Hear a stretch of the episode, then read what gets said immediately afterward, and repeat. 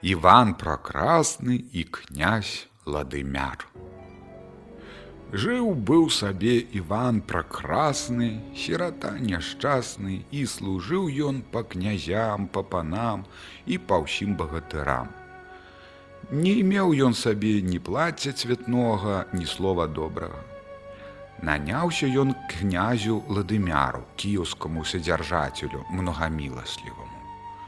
Праслужыў ён у князя тры года, тоже не меў ні плаця цветнога, ні слова добрага. Даждалі праздніка светлага воскресення. Князь Ладымяр стаў сваіх прыслуг суражаць, которые былі ў яго. Быў яго алёшка, лёгак на язык, сладак на слова.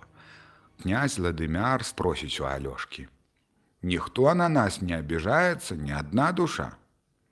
Але ж ёсць у нас Іван пракрасны сірата нешчасны, то і абіжаецца.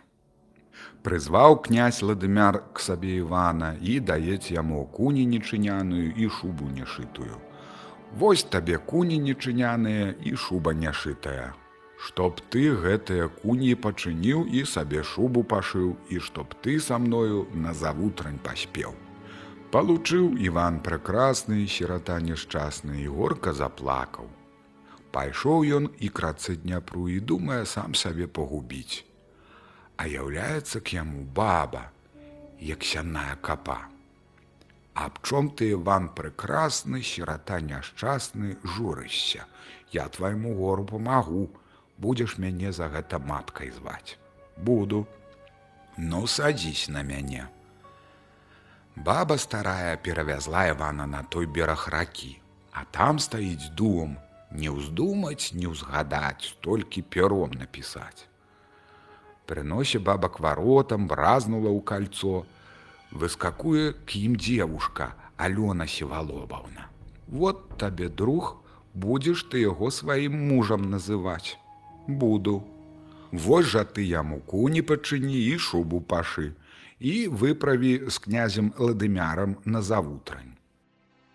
Лажысь, друг мой Іван прекрасны спаць, гаворыць Алена Севалобаўна, а сама выйшла на крыльцо, крыкнула багатырскім голасам і ідуць к ёй усе яе слухі. Аб чом ты наш спрашваеш? А вот наце, што вы куні пачынілі і шубу сей за час мне пашылі. Алена Севалобаўна стала Івана будзіць. Уставай, мой друг, вось шуба готова, на завутрань звоняць. Іван пракрасны, сірата няшчасны надзеў шубу тую, тады Алена даець яму тры яечка.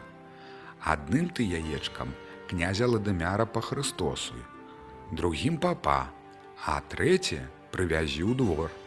Пасля завутрані Алёшка лёгак на язык, сладак на слова і кажа Івану: « Па Хрыстосу браты мяне, па Хрыстосваў Іваны яго, Прыязджаю Іван у дом, Алена гавора яму: па Хрыстосу мяне.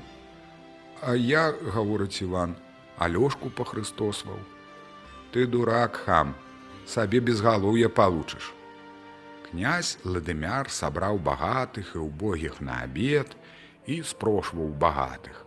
Ну хваліцеся багатствам, буду за багатства хаваліць, а убогіх надараць. Іван пракрасна сядзіць, нічога не адвечаюць. А Алёшка лёгак на язык сладак на слова, запышэў і гаворыць: « Іван сабе жану найшоў, краша ўсіх у свеце. А ладымяр на гэта і кажа: паслаць яго к воўку менчыгрэю за самаграйнымі гуслямі. Менчыгрэй яго і страбіць, а жана яго у нас астанецца. Ну то напісалі пісьмо і паслалі Івана к воўку менчыгрэю, сказалі яму: « Калі ты не прыставіш нам самаграйны гусель, то табе плаха і меч і галава з плеч. Палучыў тое пісьмо Іван пракрасны сірата няшчасны, да і заплакаў. Прыходзі ён у дом Алены сівалобаўны. Узнала яна аб гэтым і гавора. Я табе гаварыла, што будзе табе безгалоўе. Ну, На табе шырынку, рубашку і порткі.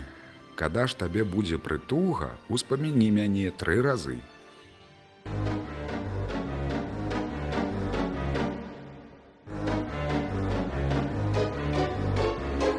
Прыехаўшы к воўку мінчыгрэю Іван падаў яму пісьму. А воўк мінчыгрэй прачытаў пісьмо і гавора: « У мяне няма гуслей гатовых надо каваць, а табе Іван пракрасны, дуть не аддыхаючы трое сутак. Іван прекрасны за трое сутак тры раза аддыхаў, а воўк мінчыгрэй на яго сильно асячаў і хацеў з'есць. А Іван прекрасны попрасіў воўка мінчыгрэя сабе баню, чтоб на смерць памыцца. Памыўшись, ён стаў рубашку надзяваць і Алену сівалобаўну памінае. Спасибо, Алена Сівалобаўна, што ты мне на смерць маю рубашачку дала. А воўк мінчыгрэй спрошуе ў яго, А што табе Алена Сівалобаўна? Жанай гэта мне кажа Іван.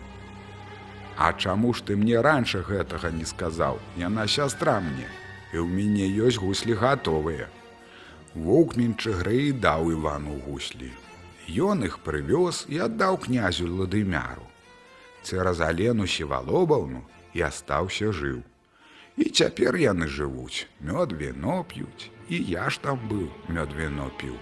По вусам цякло, а ў рот не попала.